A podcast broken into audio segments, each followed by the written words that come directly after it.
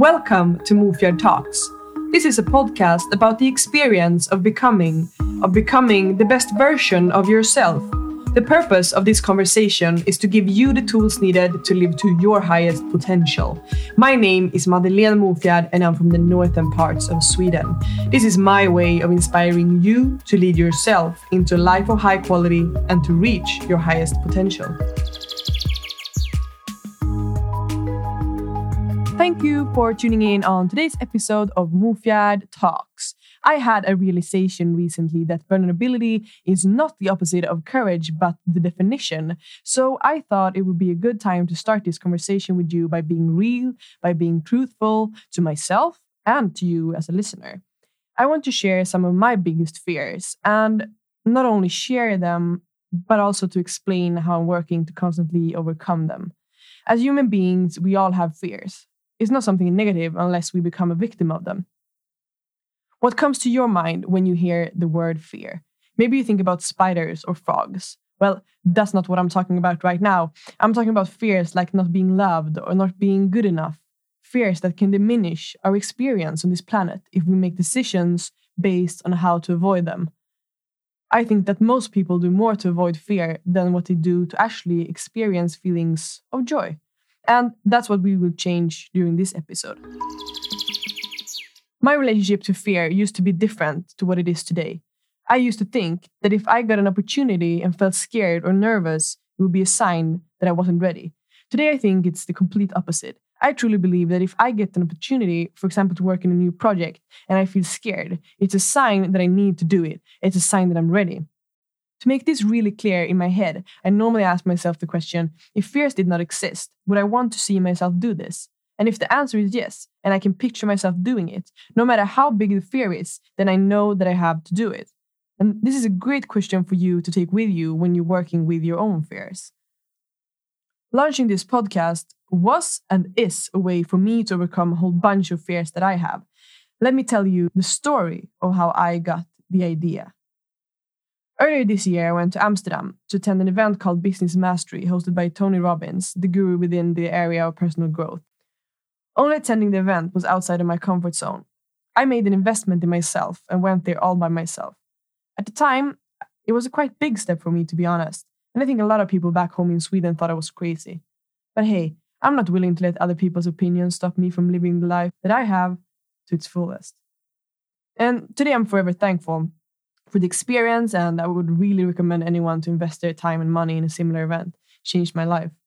And at the event, I met a lot of really inspiring people. I shared room with millionaires from all over the world, and I wanted to do everything in my power to ask them a few questions, to get some of their keys, and to pass them on. By the time, I only hosted Framstegskonceptet, a Swedish podcast together with Christian Lumbana Kapasa.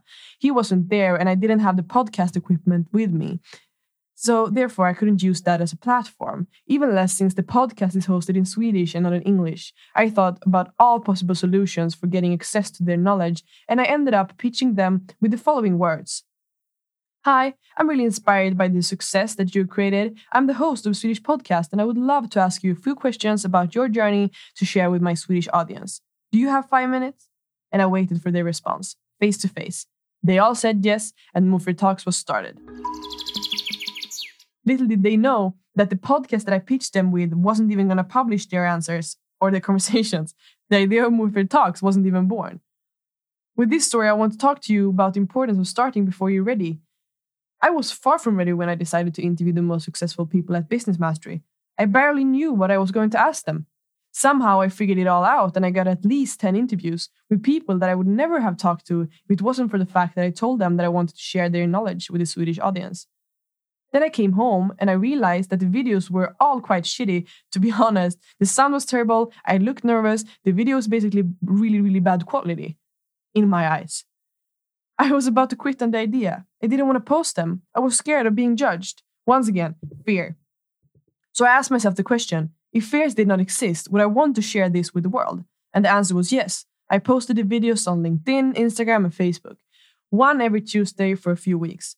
I was mad at myself every Tuesday for not doing it better, for not providing better quality. Then I realized something. This was a pattern. I looked back at my life and I realized that every time that I didn't feel like it, I was the best at something, I had quit.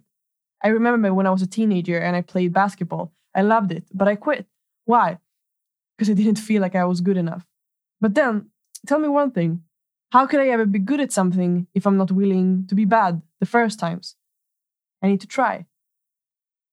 I think this is where a lot of people stop in the preparations. They want to prepare before launching the podcast, so they end up preparing until, until the inspiration is gone and the outcome is zero podcast published and a broken self esteem. So, with that realization, I made a decision to be willing to not be perfect. But I also promised myself to take the next step with the videos that I had created. I asked myself, how can I do this with better quality? And I figured out that a podcast would be a great next step. And the journey of Mofjärd Talk started.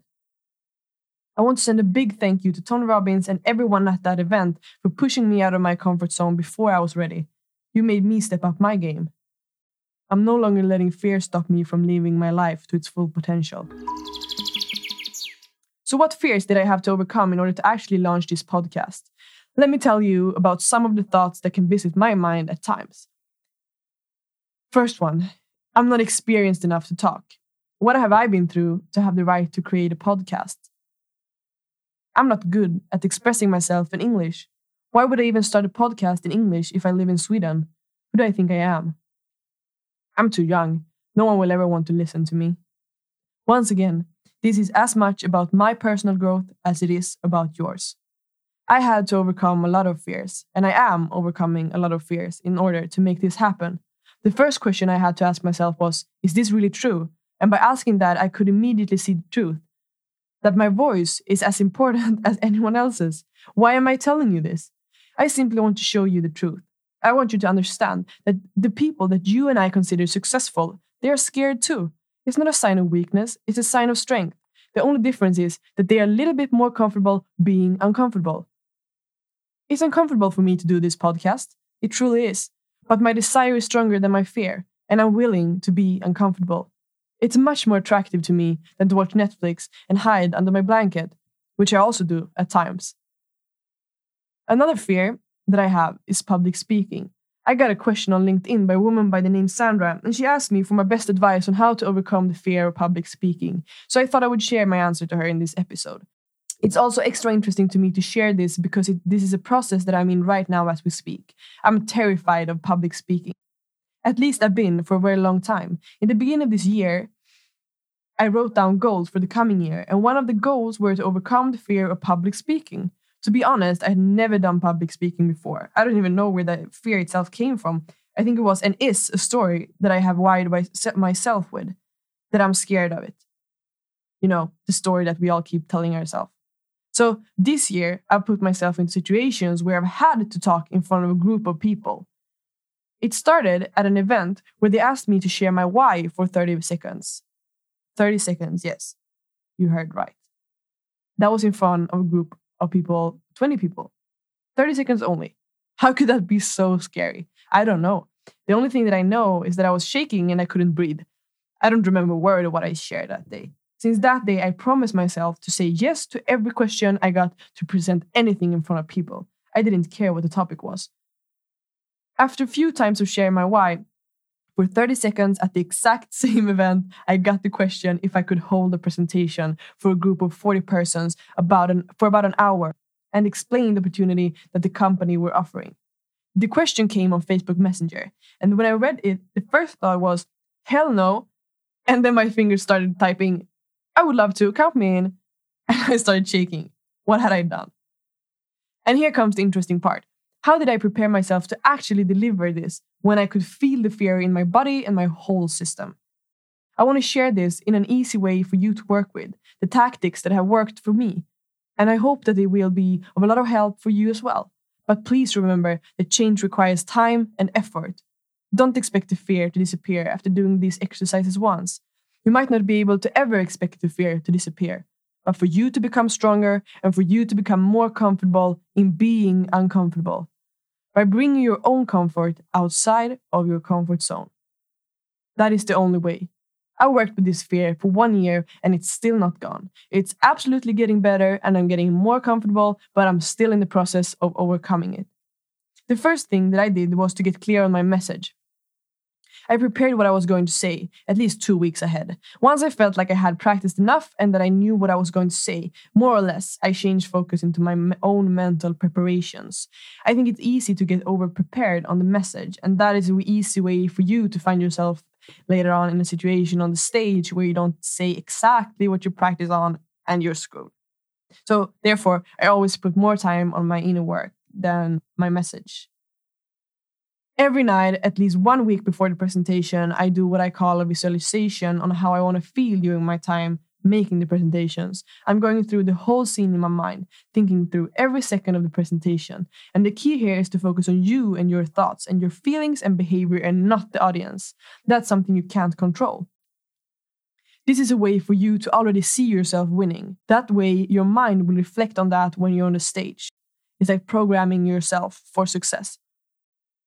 Another thing I normally do to get in the right state of mind before a presentation is to move my body physically by running or working out or whatever I feel like that day. All feelings are created by the way we move our body, so this is a simple way to get your vibe and energy up. As you can tell, I'm putting more focus into my mind shift than into what I'm going to say. It's more about why than what. When it's time for me to present, I'm making sure that I'm breathing correctly. I'm putting all my focus into breathing. That makes the focus away, that makes the focus go away from the fear itself. Important here is to accept the fact that you're feeling nervous. There is nothing wrong with that. It's okay. Remember what I said about being comfortable, being uncomfortable. It's okay. Another important thing to get clear on is what thoughts that are creating the fear. I believe that all fear comes from limiting beliefs. Ask yourself, what thought is creating this fear, and is this thought really true? My answer on that question is the fear of not being good enough. And by being aware of the thought, it's easier for me to handle it. I can see the thought as something visiting my body for a while, but then letting it go. The thought does not have any right to define who I am. I'm in the process and I'm getting more and more comfortable, but I'm still scared. It's still a process that I need to go through. To make it clear, let's sum this up. Step one to overcome the fear of public speaking get clear on your message, practice the message. Step two visualization go through the whole scenario in your head. How do you want to be remembered? What do you want to feel? How do you want to behave? Step three physical movement, workout, boost your energy, get that vibe up. Step four focus on your breathing. Step five Get clear on what thought it is that is creating the fear and picture it as something visiting you, not defining you. And last but not least, I would like to add an extra advice. Focus on the audience and what value you want to give to them and not yourself. Focus on giving, not receiving. There you go, my recipe for flow. I hope you found this useful and that you're ready to start working with this. Extra big thank you to Sandra on LinkedIn for asking me the question on how to overcome the fear of public speaking so that I got the opportunity to share this with you. Please feel free to send me your questions and topics that you want me to talk about in the next episode. And uh, maybe you are having a hard time with anything in particular, I would love to hear about it. And um, yeah, let me know and let's communicate around that topic. Maybe I can create an episode for you about that specific question. Thank you so much for tuning in on today's episode of Mofjärd Talks. Remember to go check out mofjard.com and also to join our VIP community on Facebook for all of you listeners who really want to maximize your own potential. The Mofjärd Talks community is a place where I will open up for conversations with you guys. I'm really looking forward to see you there and to get to know you better. Also, make sure to screenshot while listening to this and post this on your story and tag me so that I can follow you guys on Instagram. I really want to see the progress that you're actually making. So please make sure to get in touch with me. Take care and remember to stay humble.